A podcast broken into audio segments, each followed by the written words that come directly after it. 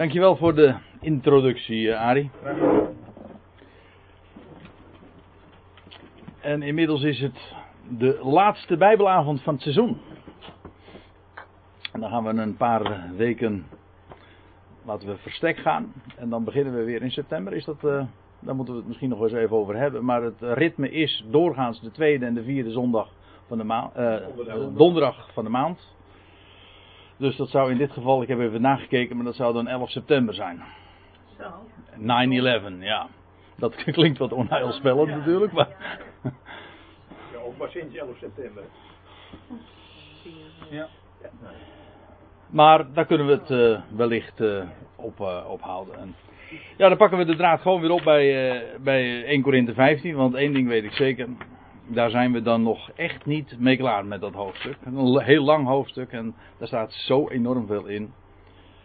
En ik vind het zo geweldig om daar ook over, eh, om dat woord voor woord, of dat is misschien een beetje erg overdreven, maar in elk geval zinsdeel voor zinsdeel te, te bestuderen.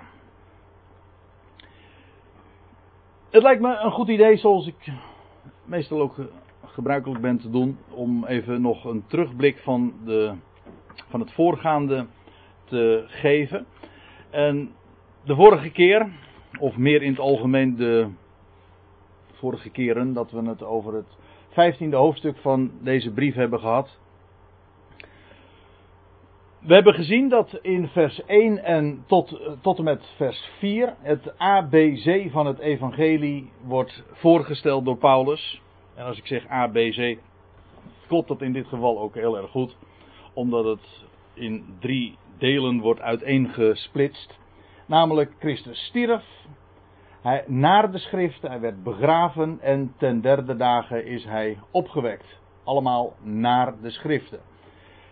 Dan in vers 5 tot 8, dan lees je dat hij is eh, verschenen vervolgens aan, nou, dan worden er een aantal namen genoemd, of in ieder geval een aantal verschijningen. In de eerste plaats Kefas. Vervolgens, ik, heb, ik volg dus gewoon de opsomming in 1 Korinthe 15, die overigens niet helemaal compleet is. We hebben de vorige keer ook gezien dat de verschijningen aan de dames, die worden niet vermeld specifiek. Kefas, de twaalf. Nog een keer bij eh, aan meer dan 500 broeders tegelijk. En daarna nog aan Jacobus. Wat ook een apart verhaal is, want vermoedelijk hebben we te denken aan de, broer, de broeder des Heren, zoals Paulus hem noemt in, in Galaten 1, vers 18. Die bij die gelegenheid kennelijk ook tot geloof is gekomen door de verschijning van de Heer. Een mooi type, ook en een mooi model van wat Jacob straks ook zal overkomen. En waardoor hij Israël zal worden. Namelijk doordat hij oog in oog zal komen te staan met. Eh, zij oog in oog komen eh, te staan met de, degene die zij doorstoken hebben. Dan lees je nog over al de apostelen, wat kennelijk onderscheiden is van de twaalf die eerder genoemd waren. Want al de apostelen, dat is een veel groter aantal. En wellicht hebben we te denken dan aan 74, nee, aan 84 mensen als je het helemaal eh, goed bekijkt. De twaalf, de twaalf, dat is zeg maar de, de inner circle, als ik het zo mag zeggen. En daarbuiten nog 72 anderen. Dan heb je dus er in totaal 84. En als laatste voert Paulus zichzelf op, de laatste. Hijzelf, en hij zegt daarbij in vers 9 en 10 dat hij de minste is, de geringste van de apostelen, zelfs niet waard een apostel te heten. Waarom niet? Omdat hij de gemeente van God vervolgd heeft. En dan zet hij daaruit in uiteen in vers 10, vind ik schitterend. Misschien mag ik het even voorlezen nog. Maar zegt hij. Nou, laat ik even vers 9 lezen. Ik ben de geringste van de apostelen, niet waard een apostel te heten, omdat ik de gemeente Gods vervolgd heb. Maar door de genade Gods ben ik wat ik ben. En zijn genade is aan mij niet te vergeefs geweest, want ik heb meer gearbeid dan zij allen. Doch niet ik, maar de genade Gods die met mij is. Ik, trouwens ook een mooi vers, ik weet niet of ik de vorige keer ook op gewezen heb, maar ik moet er nu aan denken als ik het, terwijl ik het voorlees. dat men wel eens een keer zegt, ja de genade gods, dat maakt, uh, dat als je dat uh, predikt of als je daarover spreekt, dat maakt zo passief. Nou, in elk geval laat ik dan dit zeggen, bij Paulus niet. Hij zegt, ik heb meer gearbeid dan zij allen. Wat hij helemaal niet houten bedoelt of opschepperig, want hij voegt eraan toe, uh, want het was niet ik, maar de genade gods die met mij is. Ik kan zelfs niet eens anders. Zo lezen we in een paar hoofdstukken eerder in hoofdstuk 9. Maar dat is wat de genade van God in zijn leven heeft bewerkstelligd. En dan zegt hij dan tenslotte in vers 11, en dat is ook het laatste vers wat we de vorige keer hebben besproken. Daarom dan, ik, Paulus, of zij, al mijn collega-apostelen, zo prediken wij, zo proclameren wij, zo herauten wij. En zo zijt gij tot geloof gekomen. Zo zijn jullie gelovigen geworden. Dat wil zeggen door de prediking van de opgewekte Christus. En hoewel Paulus zich heel goed bewust was van de onderscheiden bediening en de onderscheiden boodschap die hij bracht, is de basis eh, van zijn prediking gelijk aan die van de, van de andere apostelen. Want dat is gelegen in het hart van alles, namelijk de opgewekte Christus. Dat is wat uh, Kefas en, en Jacobus en dergelijke net zo goed allemaal predikten. Dus dat, daarin zit geen enkel verschil. Daarom dan, ik of zij, zo prediken wij en zo zijn jullie gelovigen geworden. Door simpelweg die boodschap. Nou, dat is ongeveer wat er in die eerste elf versen naar voren wordt gebracht. En dat hebben we ook wat, uh, wat preciezer zo bezien. En dan stel ik voor dat we nu dus beginnen bij vers 12. Komt eigenlijk wel goed uit, want in mijn Bijbeltje begint er dan ook een nieuwe pericoop. Lijkt mij vrij terecht. Want waarom heeft Paulus dit nu uiteengezet? Het, de essentie van het evangelie, maar ook uh, wat de, de inhoud daarvan is, maar bovendien ook het bewijs. Namelijk, hij is verschenen en en hij voert allemaal getuigen op. Velen, dus als je het eh, getalsmatig bekijkt. Honderden getuigen van de opgewekte Christus. Waarom vertelt hij dit alles nu? Wel, dat gaat hij dan motiveren vanaf vers 12. En laten we dat gewoon maar eens bezien. Indien nu van Christus gepredikt wordt, namelijk door hem, het zij ik, het zij de twaalf of de andere apostelen. Indien nu van Christus gepredikt wordt dat hij uit de doden is opgewekt. Misschien is het nog even goed om erop te wijzen. Als er staat uit de doden. In het Nederlands komt het misschien niet uh, heel goed uit de verf. Ik denk dat een heleboel mensen, als zij horen Christus is uit de doden opgestaan, dat ze daarmee exact hetzelfde bedoelen als hij is uit de dood opgestaan. Heel veel mensen. Ik, uh, ik, ik zeg het niet met 100% zekerheid, maar ik weet zo goed als zeker dat de uitdrukking zelfs opstaan uit de dood helemaal niet in de Bijbel voorkomt. Het, het is uh, opstaan uit de doden. Dat wil zeggen, het, daarbij gaat het dus niet over opstaan uit de dood. Dat is opstaan uit een doodstoestand. Maar opstaan uit de doden wil zeggen uit te midden van gestorven mensen, men, doden. Een vrij voorbeeld vind, uh, vind ik altijd wat uh, we lezen in Johannes 11 als, als de heer Jezus bij het graf van Lazarus komt. Hè, dus ik mag aannemen dat dat een, een begraafplaats was. En dan lees je dat, dat Jezus La, tegen Lazarus Lazarus, kom uit. Nou, dat was met recht dus een opstanding uit de doden. Dan lagen allemaal doden. En ik heb wel eens iemand horen zeggen, vind ik eigenlijk wel erg mooi. Eh, waarom zei hij Lazarus kom uit? Want als hij die naam niet had genoemd, hadden allen opgestaan. Want dat is de kracht van zijn woord. Ja, als hij met alleen door dat te zeggen uh, hem kon op, doen opstaan uit de dood. Trouwens, ik weet ook, en dat lees je al in Johannes 5, dat er een, een uren komt, zegt Jezus dan ook, dat de, de doden de stem van de Zoon Gods zullen horen en zullen opstaan. Ik zeg het nu even geparafraseerd, maar daar komt het op neer. Het is dus echt uit de doden opstaan. Je hebt ook een opstanding der doden. Daar komen we wellicht bij een andere gelegenheid. Dat zal dan dus inmiddels wel september worden, vermoed ik. Uh, je hebt ook nog een andere uitdrukking, namelijk de opstanding der doden. Namelijk de opstanding van de doden. Een algemene opstanding. Eigenlijk in de, in de kerk, in de christenheid, in het algemeen spreekt men eigenlijk altijd over de, de opstanding. Ik uh, herinner me ook uh, dat in de apostolische geloofsbeleidenis, zo heet dat. Het is helemaal niet apostolisch trouwens, maar het zijn de twaalf artikelen des geloofs. En dan staat er, dat eindigt dan met eh, ik geloof in heilige algemene christelijke kerk, eh, eh, de opstanding der doden en een eeuwig leven. De opstanding der doden. Maar dat blijkt in werkelijkheid, als ik het in de Bijbel lees, heel gedifferentieerd te zijn. Ieder in zijn eigen rangorde, niet allemaal tegelijk. maar goed, uit de doden. Indien dat hij uit de doden is opgewekt. Dus met achterlating van de overige doden. En dan heb ik trouwens nog iets. Uh, wat ik uh, hier even op, naar aanleiding van deze statement wil, waar ik op wil wijzen. Dat is dat Paulus zegt. Dat, dat hij inderdaad dus de opgewekte Christus predikte.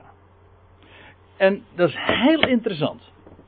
Kijk het maar eens een keertje na in uh, het boek Handelingen, als daar het evangelie verkondigd wordt. En dat bedoel ik dus inderdaad, ongeacht of je nou naar de boodschap luistert van Petrus, in de eerste hoofdstukken, maar ook later in de hoofdstukken, als, uh, als de apostel Paulus voor het voetlicht gebracht wordt en, en zijn toespraken worden verhaald. Dan prediken zij niet een gestorven Heer. Ze prediken ze niet dat Jezus is gestorven voor de zonden. Of. Ik ben het nooit tegengekomen. Ik ben het nog nooit in het boek Handelingen tegengekomen dat ze dat vertellen. De, de, dat Christus dood was, zeker bij Israël, dat was. Of dat hij gestorven was, dat was geen mededeling, dat was gewoon een gegeven, dat kenden ze. Dat hij, ik bedoel, het was een. In die dagen was het een gegeven, ja, Christus was aan het kruis genageld. Dus daar hoeft helemaal niet gepredikt te worden dat hij gestorven was. Maar ook de betekenis van zijn dood wordt niet eens zozeer naar voren gebracht. Ja, vooral als het naar voren gebracht wordt, dan is het om het volk aan te wijzen als moordenaar. Jullie hebben Christus gedood, maar God heeft hem uit de doden opgewekt. Wat jullie deden, dat was hem kruisigen. Maar God heeft hem na drie dagen doen opstaan uit de doden. Maar dan is het altijd, de volle schijnwerpers worden gericht op het feit van de opstanding. En dan zeggen ze altijd erbij, en of dat nou in handelingen 2 of in handelingen 5 of in handelingen 10, in het huis van Cornelius of later in handelingen 13 als Paulus in Antiochië is. Altijd is het de, de, de prediking van Christus die is opgewekt uit de doden. En ik heb hier trouwens een verwijzing naar Handelingen 17, vers 31. Ik weet eigenlijk niet of ik daar nog een diaatje van heb. Nee. Maar eh, dat is het hoofdstuk waar, bij, waar verhaald wordt dat Paulus in Athene is. En daar die, die lege sokkel ziet in, uh, in, in het centrum van Athene. En dan, zegt, en dan stond daar die inscriptie van uh, voor, de onbekende, uh, voor de onbekende God. En, en die God predikt hij hen. Nou, dat, hij vertelt dan wie die God is. Die God die zij niet kenden. Maar uiteindelijk, aan het einde van zijn toespraak, want langer meer tijd en gelegenheid werd hem niet gegeven. Dan komt hij te spreken over de opstanding van Christus. Misschien, nou, ik wil het eventjes uh, toch erbij halen. Handelingen 17.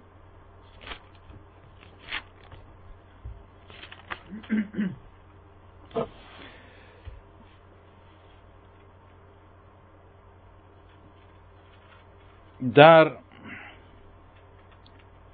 Nadat hij dus uh, uiteengezet heeft dat zij uh, God niet kenden en daarom die God be, verkondigt hij, de God, de schepper van hemel en aarde, van wie hij dan ook zegt, uh, die zich niet door mensenhanden laat dienen alsof hij nog iets nodig had, daar hij zelf aan alle leven en adem en alles geeft. Nou, dat is de God die hij dan predikt. En dan even een paar versen later, in vers 30. Uh, eh, God dan verkondigt met voorbijgaan van de tijden van de onwetendheid. Want ze waren onwetend. Nou, heden aan de mensen dat ze allen overal tot bekering, tot letterlijk staat er metanoia, hè, tot omdenken moeten komen. Tot bezinning moeten komen. Omdat hij een dag heeft bepaald, en nou, nou komt mijn punt, waarop hij de aardbodem rechtvaardig zal richten door een man die hij aangewezen heeft, waarvan hij voor allen het bewijs geleverd heeft, door hem uit de doden op te wekken. Dat is hij noemt niet eens de naam van Jezus in deze toespraak.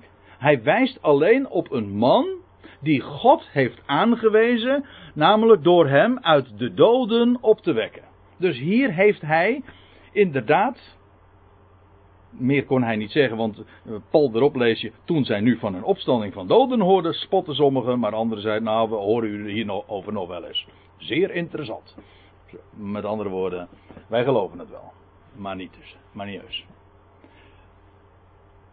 maar hij predikte dus de, de God, maar daarbij ook de opgewekte Christus. Hij die uit de doden is opgewekt. Dat is de essentie. Niet het kruis, maar de opstanding. En zelfs als daar gesproken wordt over het feit dat hij is gestorven, dan is dat slechts.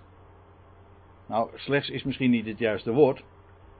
Maar dan is dat ook om daarmee een, de, de entourage te aan te geven van hij is opgestaan. Want ja, hoe zou hij kunnen opstaan uit de doden als hij niet eerst was gestorven? Dus hij stierf, waarom? Om op te kunnen staan uit de doden en zo de dood te overwinnen. En uiteindelijk ook te niet te doen. Maar dat is de boodschap dus. Goed, nou. Ik stel voor dat we dan maar verder gaan. Indien nu van Christus gepredikt wordt dat hij uit de doden is opgewekt. Hoe komen sommigen onder u, onder jullie, dat is dus iedere keer meervoud hier. Hoe komen sommigen uh, onder jullie ertoe te zeggen dat er geen opstanding der doden is? Of letterlijk een niet van de doden, maar gewoon in het algemeen. Geen de opstanding van doden is. Dat was dus de bewering. Er waren dus onder Korinthe, eh, of de, onder de Corinthiërs, waren een, aantal mensen, in ieder geval minimaal twee, sommigen, die beweerden dat er geen opstanding van doden is. Vreemde leringen zijn niet van, van, uh, van vandaag, dat is duidelijk. Die waren daar dus al in Korinthe. En Paulus geeft een zeer uitgebreid antwoord. Feitelijk is 1 Korinthe 15 in zijn totaliteit van vers 1 tot en met vers 58 het, het grote monumentale antwoord op deze bewering. Eigenlijk ben ik dus wel heel erg blij dat die mensen dat beweerden. Want anders hadden we mooi geen 1 Korinthe 15 gehad. Dat is de andere kant van het verhaal dus weer. Want wat een, een geweldige uiteenzetting is het. Maar goed, hoe, hoe komen sommigen onder jullie ertoe te zeggen dat er geen opstanding van doden is? Indien er geen opstanding van doden is, dan is Christus ook niet opgewekt. Kijk, de gedachte is, en dat heeft hij in vers 4, in het voorgaande dus uiteengezet, van vers 4 tot 8. Christus is opgewekt. Dat is een historisch feit. Het is gewoon wat je dus een, een geschiedkundig uh, feit kunt noemen. Hoezo? Wel, uh, en hij had op twee dingen gewezen. Het graf was leeg. Hij was begraven, maar hij is opgestaan uit dat graf. Het graf was leeg. Het is trouwens opmerkelijk dat, dat hoe, hoeveel tegenstand er ook was tegen het evangelie, nooit hebben de tegenstanders betwist dat het graf leeg was. Daar konden ze namelijk niet onderuit. Het graf waarin hij gelegd was, was leeg. Ja, en waarom was het leeg? Nou, omdat hij is opgestaan uit de doden. En dat is maar niet zomaar een, een bewering. Daar zijn honderden ooggetuigen van. Nou, dat is wat Paulus dus in dat eerste gedeelte uiteengezet heeft. Met andere woorden, dat is een historisch gegeven. Het is een feit. Het is bewezen. Wanneer, voor, voor zover je kunt spreken over historisch bewezen gebeurtenissen, dan hoort de opstanding daar gewoon helemaal tussen. Sterker nog, het is zo enorm rijkelijk gedocumenteerd, als eh, veel rijker gedocumenteerd dan menig ander gegeven dat wij historie noemen. Met zoveel honderden getuigen. Dus dat is ook de reden waarom Paulus begon met die uiteenzetting. Om uiteen te zetten, Christus is opgewekt, dat is een historisch feit. Wel, als dat een feit is, dan is de consequentie daarvan dat die bewering daar in Korinthe van sommigen dus vals is. Want Christus was een dode, hij is opgestaan, dus als zij zeggen er is geen opstanding van doden, is dat dus niet waar. Ja. Dat is niet zo moeilijk. En, zegt hij dan in vers 14, indien Christus niet is opgewekt, dan is onze prediking, onze herautboodschap of onze proclamatie eh, zonder inhoud. Eh, letterlijk staat er hier gewoon het woord eh, voor leeg. Dat woordje kenon, dat is eh, wat elders wordt weergegeven met ijdel, maar de letterlijke betekenis daarvan is leeg. En dat lijkt mij perfect weergegeven door de, door de MBG, door het te vertalen met zonder inhoud, want dat is precies wat leeg is. Het heeft geen inhoud. Als Christus niet is opgewekt, dan is onze, onze hele boodschap gewoon leeg en zonder inhoud. Maar nou kun je het ook, je kan het ook positief zeggen, want wat betekent dat? Dat betekent dat de inhoud van de prediking dus is, Christus is opgewekt. Dat is de prediking.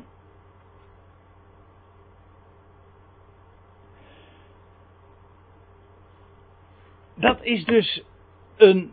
En dat, is, dat maakt ook zo'n enorm uh, groot verschil. En het staat daarmee ook haaks op filosofie en godsdienst. Het evangelie is, ik, ik, ik, geef toe, het is niet de eerste keer dat ik het zeg, maar ik word ook niet moe om het te herhalen. Dit is zo essentieel. Het is een bericht. Het heet niet voor niks evangelie. Ik weet het, het woord evangelie heeft bij ons natuurlijk ook een wat uh, hoogdravende klank gekregen, maar het, het betekent gewoon een goed bericht. Goed nieuws. Een, het melden van een feit. Zoals het een feit is dat wij hier nu vanavond hier in Bodegraven zitten. En zoals het een feit is dat gisteren Nederland door Argentinië werd verslagen. Dat is gewoon een feit. Een mededeling, een bericht. Nou ja, of dat, of, of dat laatste een goed bericht is, daar, uh, dat hangt er vanaf of je het aan Nederlanders of aan Argentijnen vraagt. Trouwens, sommige Nederlanders zijn ook blij, heb ik begrepen. Maar goed. Ik bedoel, dit te zeggen, het is een bericht, het is een mededeling. Het is dus niet een godsdienst, uh, het, het, vertellen van wat een mens zou moeten doen om God te bereiken of, te, of wat hij zou, uh, welk ideaal hij zou moeten nastreven. Het is ook niet een bepaalde morele levensleer. Ook niet een filosofie hoe het leven in elkaar zit, een bepaalde abstracte gedachte, een overtuiging. Nee, het is een bericht waarvan honderden ooggetuigen zijn. Een graf was leeg en hij die daarin lag, die is op de derde dag verrezen en hij is door honderden mensen gezien. Zie daar, het getuigenis, dat is het bericht. Ja, u zegt, is dat, het, uh, is dat dan alles? Ja, in zij, zeker, dat is alles.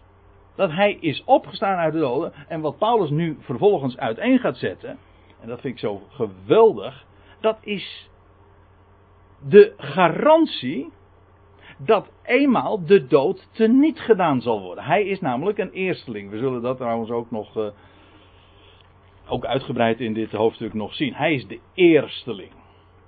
En omdat hij opstond uit de doden, als eersteling, is daarmee verzekerd dat eenmaal de dood ook volledig teniet gedaan zal zijn en alle mensen zullen zijn levend gemaakt. Kijk, dat is hoe, hoe je het ook wendt of keert.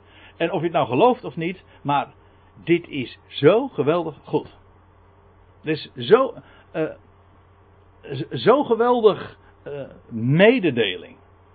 Ik weet het, een heleboel mensen geloven het niet, kunnen het niet geloven. Dat iemand, een, een lijk, dat drie, die drie dagen in een graf lag. Een, zware steen ervoor, bovendien nog bewaakt, et cetera, door de soldaten. Dat zo'n lijk werd opgewekt uit de doden. We kunnen dat niet geloven, daar in Athene ook niet. Het ging helemaal tegen hun filosofie in. Bovendien ze hadden heel andere voorstellingen over leven na de dood. Leven na de dood, dat is een heel algemeen concept. In alle religies vind je dat terug. Maar bij het de essentie van, van, van het evangelie, van de hele Bijbelse boodschap, is dat het geen ontkenning is van de dood. Dood is een gegeven. Is niet een andere vorm van leven. Nee, dood is het tegenovergestelde van leven. En ook het ontbreken van leven. Maar er is hoop voor doden doordat er opstanding is. Wel, hij is opgestaan eens voor altijd, definitief als eersteling. En daarmee is verzekerd dat eenmaal de dood compleet niet gedaan zal Dat is zo geweldig. Dat is het geweldige uitzicht. Dat is dus ook echt leven, wat wij hier op aarde noemen. Leven noemen is helemaal geen eens leven. Dat vind ik ook zo prachtig in 1 Korinthe 15. We zullen ook daar nog over te spreken komen. Eh, dit, is, dit is geen leven, dit is sterven. We zijn bezig gewoon allemaal dood te gaan. En ik, ik hou ervan om er zo macaber aan te denken, aan te denken want dat betekent dat alleen tegen die achtergrond van een sterfelijke wereld, we zijn allemaal stervelingen. En dat er echt leven is, met allemaal vette hoofdletters. Waar geen einde aan komt, een leven in onvergankelijkheid, heerlijkheid en kracht, zegt Paulus ook in ditzelfde hoofdstuk. Dat de dood achter zich heeft, dat is het leven, niet alleen maar voor enkeling, nee voor heel het mensdom. Wauw. Dat betekent dus dat het leven geen, niet, niet zinloos is. Nee, het leven heeft een geweldige betekenis. En een geweldig perspectief. En het is een, gebaseerd allemaal op een bericht, een mededeling. Nou, dat is de prediking. Dat is wat er verteld werd. Dat is de inhoud van de hele boodschap. Ja, nou, als je, en, als, en als hij niet is opgewekt, nou, dat betekent dus dat de prediking geen inhoud heeft. En dan kun je er natuurlijk iets anders voor in de plaats stellen. Ik moet er aan denken dat ik ooit, dat was op de uh, eerste paasdag, toen was ik in Eihorst met uh, Petra een weekendje weg. En toen waren we naar een, een kerk toegegaan. Was geen goed idee trouwens. Nee, geen goed bericht. Maar het is ook niet zo'n goed idee. Want uh, wat een waardeloze uh, prediking. Want uh, die man die heeft daar, ja, hij, kon, hij ontkwam, er, ontkwam er niet aan om over opstanding te spreken, maar hij bedoelde dat allemaal metaforisch. Ja, Christus is bij wijze van spreken opgestaan uit de, bij wijze van spreken, zodat wij ook een, weer echt kunnen leven hier op aarde. Weet je wel, je kan er allemaal slingers omheen hangen om, om dat hele sterfelijke bestaan. Dat is ook wat hij deed. En uh, zoals wij dat dan ook zeggen, van iemand is gestorven en toch, uh, toch leeft hij nog steeds in onze harten en heeft hij ons aangeraakt. En allemaal tot je dienst, maar het was gewoon zonder inhoud. Het is gewoon helemaal flauwekul. En het is nog veel erger trouwens, we zullen er straks ook zien. Ik heb het een, na de rand stond, want het was echt vreselijk. Eh, nog de andere dingen die hij vertelde ook. Maar uh, stond hij bij de uitgang en de mensen nog even een hand te geven. Dus uh, ik ontkwam er ook niet aan om hem een hand te geven. Maar ik, toen stelde ik hem nog de vraag. Ik zeg, komt er dus op neer. Christus is niet echt opgestaan. En toen keek hij me zo aan. Hij, hoe bedoelt u? Maar hij wist dat wel, wat ik bedoelde. Maar hij had het gewoon regelrecht ontkracht. Want hij had notabene eerst 1 Korinthe 15 nog voorgelezen. Althans een passage eruit. Hoe, dan, dan vraag je echt af. Ben je nou echt... Ben je echt stekenblind. Als je dat gedeelte leest. En, des, en dan nog zegt een mooi gedeelte. Maar gewoon glashard ontkent wat er staat en precies datgene gelooft en vertelt, dat wat er sommigen in Korinthe ook vertelden. Namelijk dat er geen opstanding van doden is. Ja, hoe is het mogelijk? Ja, en als je dan zo'n lege boodschap hebt, dan moet ik zeggen, dan verbaast het me ook niet dat die kerken ook leeglopen. Dat is volgens mij gewoon de consequentie. Er valt helemaal echt niks te halen. Het is leeg. Zonder inhoud. Zonder inhoud is dus ook uw geloof. Met andere woorden, de inhoud van het geloof is. Christus is opgewekt. Wij hebben dus echt een. Ik, ik, ik heb het ooit met categorisatie geleerd dat dat niet zo goed is. Maar als ik, als ik het zo zeg, durf ik te beweren dat het wel degelijk juist precies de essentie is. Wij hebben een historisch geloof. Dat wil zeggen, ons geloof is historie. Zijn verhaal, ja, maar ik bedoel ook gewoon historisch, een feit, een gegeven. Geschiedenis. Het is geschied. En geen mooi verhaal.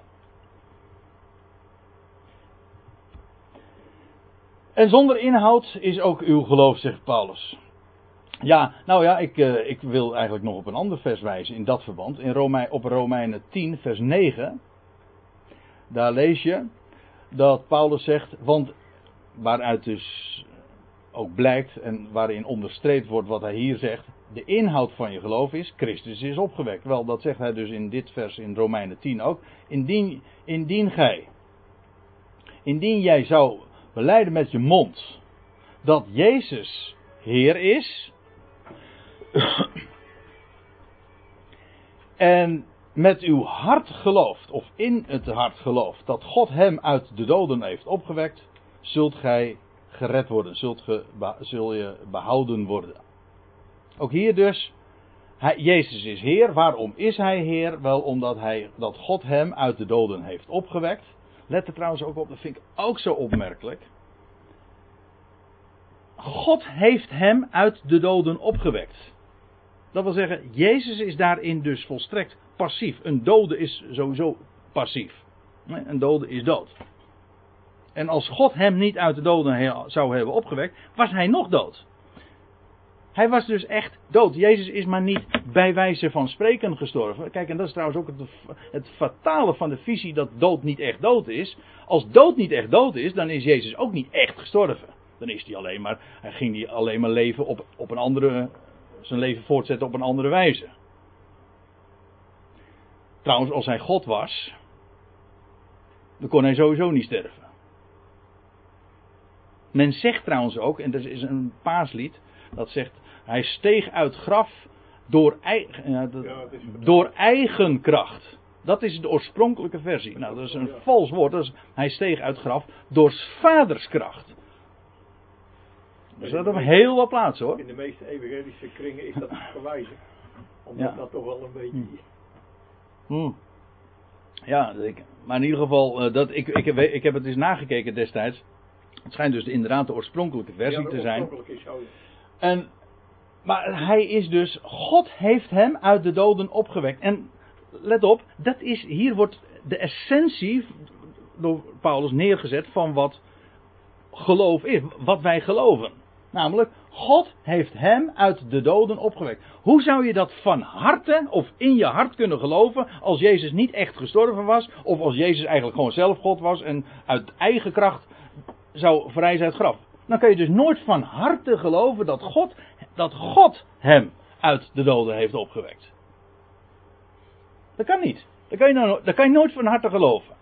Het, heeft namelijk, het is dan gewoon uitgekleed. Het is teniet gedaan door al de concepten die je er omheen hebt. Als je niet gelooft dat dood echt, echt dood is. Als je, als je gelooft dat Jezus zelf God was. Ja, wat betekent dit dan? Dat God, dat God hem uit de doden heeft opgewekt. Betekent niks. En hoe zou je dat dan kunnen geloven? Hoe zou je dat zelfs met je hart kunnen geloven? Je zegt van, wauw, dit is het. Geweldig, toch? Dat kan je niet. En dan staat er, dan zul je gered worden. Ik zeg het er maar even bij, want eh, ik, ik weet, het, het, sommige mensen, ik weet niet hoe u zich afficheert, maar eh, je hebt het universalisme, dat, dat is eigenlijk de leer dat alle mensen behouden zijn. Dat is dus niet de Bijbelse leer. De Bijbelse leer is absoluut niet. Ik hoor het nog wel eens een keertje mensen zeggen van, ook uh, uh, medegelovigen, maar het is echt een misvatting dat alle mensen nu behouden zouden zijn. Nee, de Bijbel leert het echt niet. Ik, eh, er zijn talloze plaatsen in, de, in, in het Nieuwe Testament waar, waarin je dat zo duidelijk ziet. Een mens wordt gered, behouden, door geloof. Of zoals hier staat, met uw hart of in uw hart gelooft dat God hem uit de doden heeft opgewekt, zul je gered worden. Hoe wordt een mens gered? Door te geloven dat God hem uit de doden heeft opgewekt, waardoor hij Heer is en waardoor wij hem dus Curios ook noemen. En met onze mond beleiden we dat. Maar wij geloven, althans de schrift leert dat niet, dat alle mensen behouden zijn. God, de Bijbel leert dat God een behouder is van alle mensen. Maar dat is iets heel anders dan dat je zou leren dat alle mensen behouden zijn. Een mens wordt behouden door geloof in Jezus Christus. Namelijk te geloven dat God hem uit de doden heeft opgewekt. Ik vind het een heel groot verschil. En natuurlijk, elke, elke knie gaat buigen, elke tong zal beleiden dat hij Heer is. En daarmee dus ook erkennen dat God hem uit de doden opgewekt heeft. En dan, zal, dan zullen alle mensen ook behouden worden. Maar er is geen andere weg naar behoudenis dan door te geloven en te erkennen en te beleiden dat hij uit de doden is opgewekt. En degene die dat gelooft, is behouden. Degene die dat niet gelooft, is niet behouden.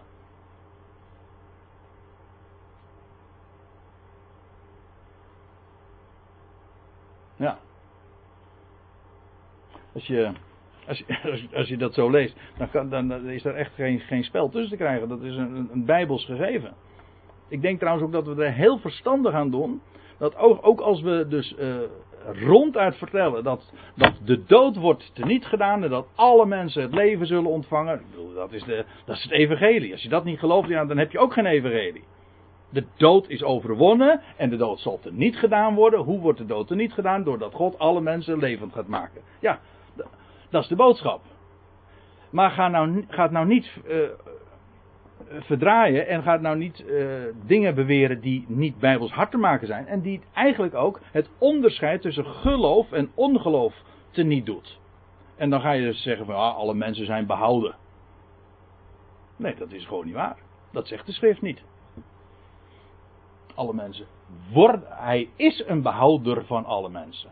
De levende God doordat hij allen zal levend maken en zo hen ook zal behouden.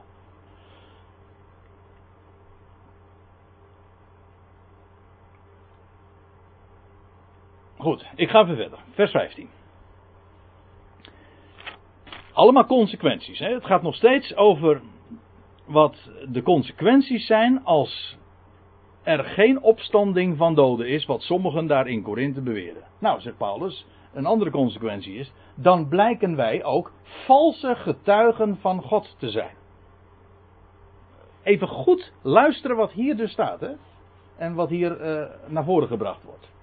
Een valse getuige. Dat betekent gewoon, het is of waar. Ja, het is of waar, of het is niet waar, maar dan is het dus vals. En laten we het even goed benamen noemen. En, en ook daar geen strik op plakken. Of een, uh, een strik omheen doen en een mooie sticker op doen of mooie kleurtjes geven. Niet mooier maken. Het evangelie is of waar of vals. En dat betekent dat het gewoon je reinste oplichterij is. Bedrog, zwendel, fraude. En je zou nog wel meer synoniemen wellicht kunnen noemen. Het een of het ander. Meer, meer smaken zijn er niet. Ik zeg dat ook even omdat mensen dus zeggen van ja, uh, ik bedoel, Paulus is hier aan het woord. En hij zegt, wij zijn valse getuigen. Hij bedoelt wij die deze boodschap uh, gebracht hebben. Hij is dus met, als hij zegt getuigen, dan bedoelt hij ook een ooggetuige. Er zijn honderden ooggetuigen, hij was er één van.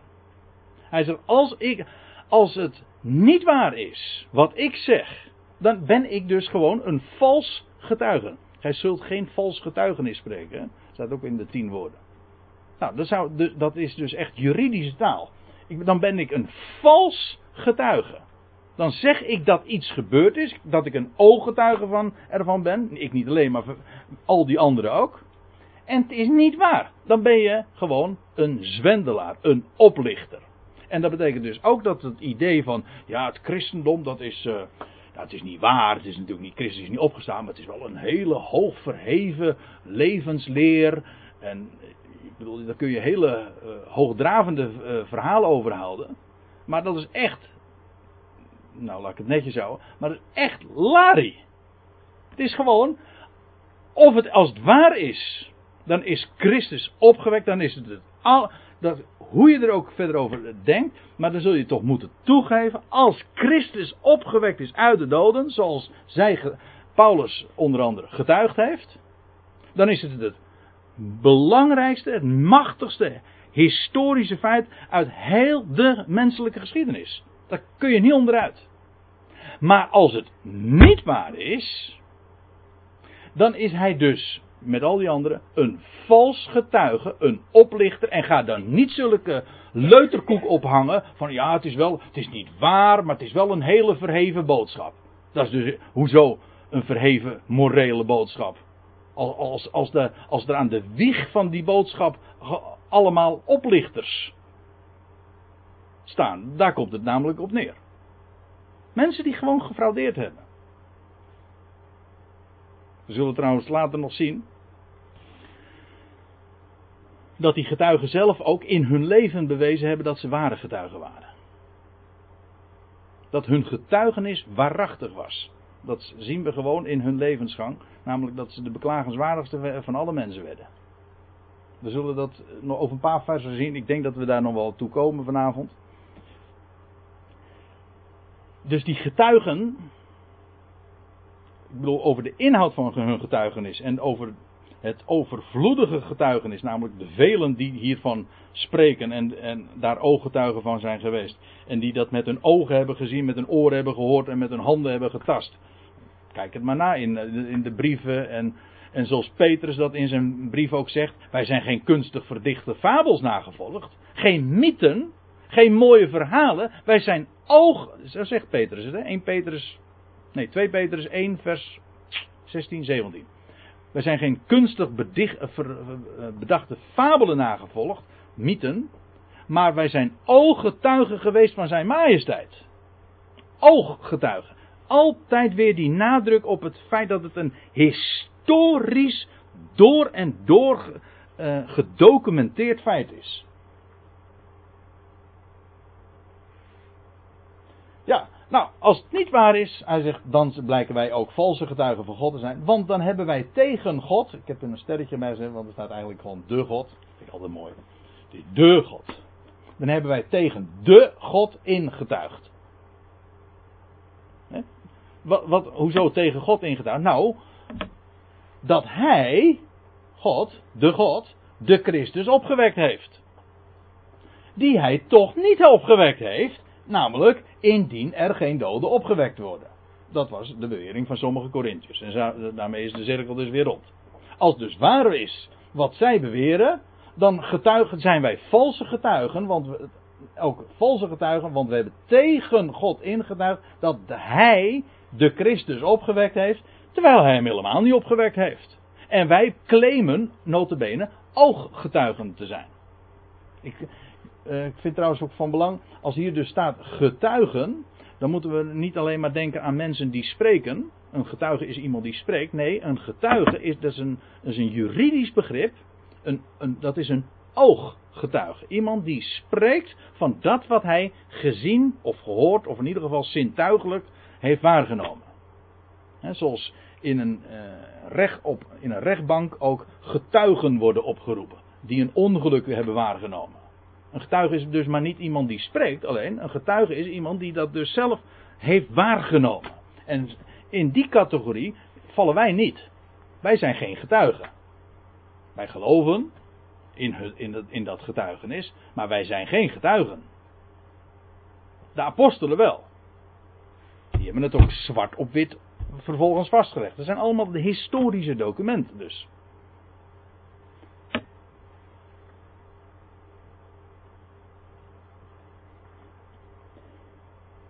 Dan hebben wij tegen God ingetuigd dat hij de Christus opgewekt heeft, die hij toch niet opgewekt heeft. Indien inderdaad het waar is wat jullie zeggen, indien er geen doden opgewekt worden. Immers, indien er geen doden opgewekt worden, dan is Christus ook niet opgewekt. Nou, ja, nou gaat Paulus dus in herhaling vallen, maar dat doet hij niet zomaar, want dit had hij in vers 13 ook al gezegd. Vrijwel, nou het is iets andere bewoordingen. In vers 13 had hij gezegd, uh, nou moet ik het even goed zeggen, had hij gezegd, indien er geen opstanding der doden is, dan is ook Christus niet opgewekt. Nou, dat is inhoudelijk uh, zo ongeveer uh, identiek aan wat hier staat. Maar nou gaat hij hij, hij, herhaalt dit omdat hij nu weer op een nieuw punt ook naar voren gaat brengen. Als er geen dode opgewekt wordt, dan is Christus dus ook niet opgewekt. En indien Christus niet is opgewekt, is een herhaling trouwens van vers 14. Indien Christus niet is opgewekt, dan is uw geloof zonder vrucht. In vers 14 hadden we gezien, dan is onze prediking zonder inhoud en zonder inhoud is ook uw geloof. Zonder, daar stond zonder inhoud. Leeg is je geloof. Het gewoon stelt helemaal niks voor. Uh, vorm heeft het ook al nauwelijks, maar inhoud in elk geval niet. Hier staat, zonder geloof is uw, uh, dan is uw geloof zonder vrucht. Er staat een iets ander Grieks woord. Dat betekent niet uh, leeg, maar dat betekent dit woord. Ataya, dat is zinloos. Ik heb het in de concordantie nagekeken, maar het komt nog wel eens een keertje voor. En het wordt meestal ook inderdaad eh, in, met dat woord eh, ook weergegeven. Niet erg concordant trouwens ben ik achtergekomen, maar altijd met de gedachte van dat het zinloos is, zonder doel. Ja, als het leeg is, ja, dan is het dus ook zonder zin. Het heeft helemaal geen enkele betekenis. En zegt hij, dan zijt gij nog in uw zonden.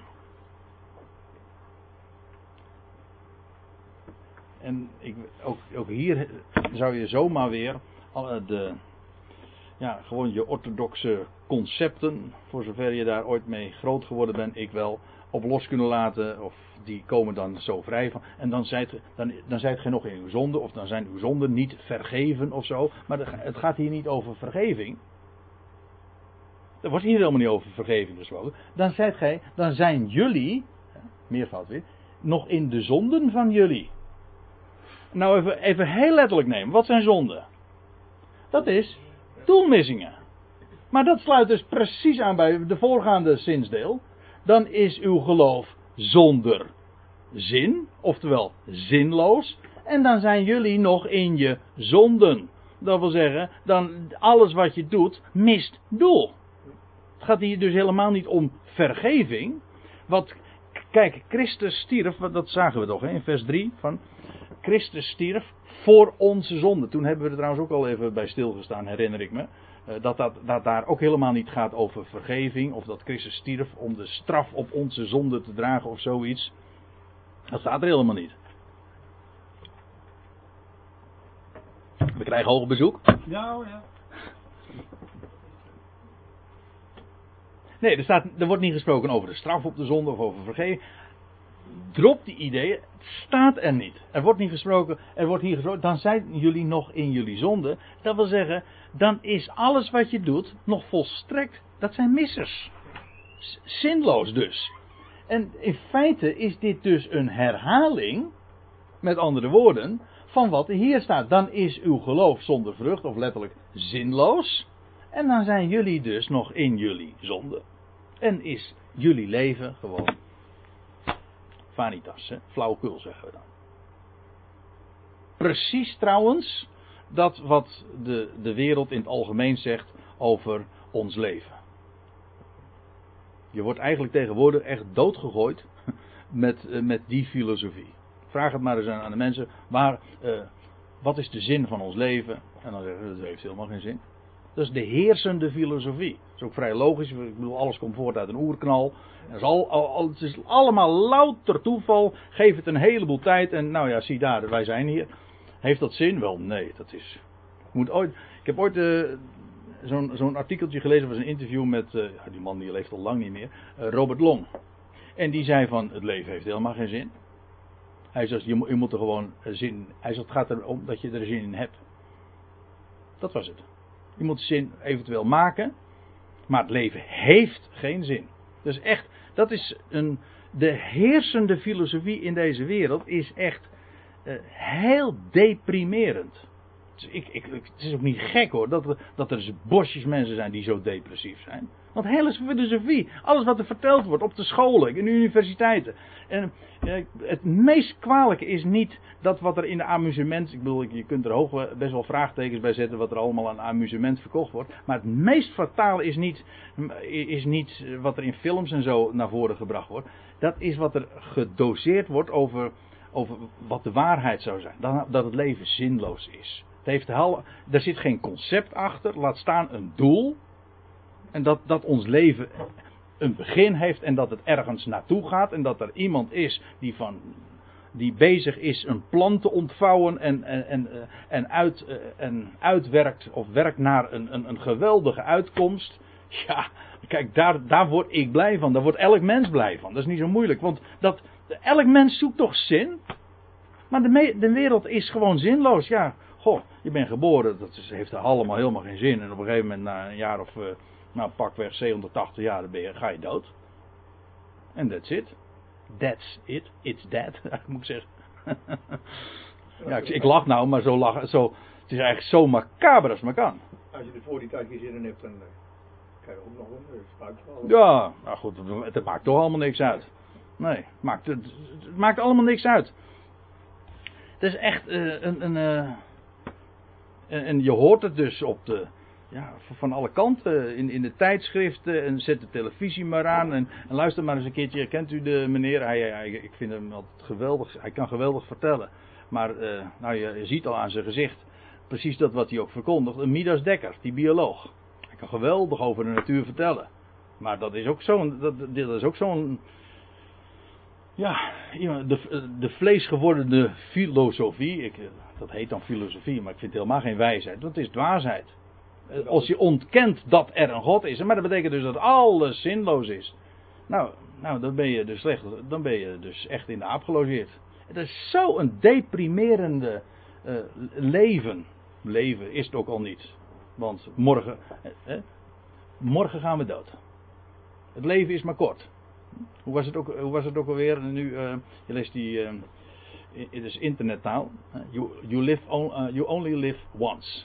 Dat was you. Nou ja, dat heeft zo'n afkorting.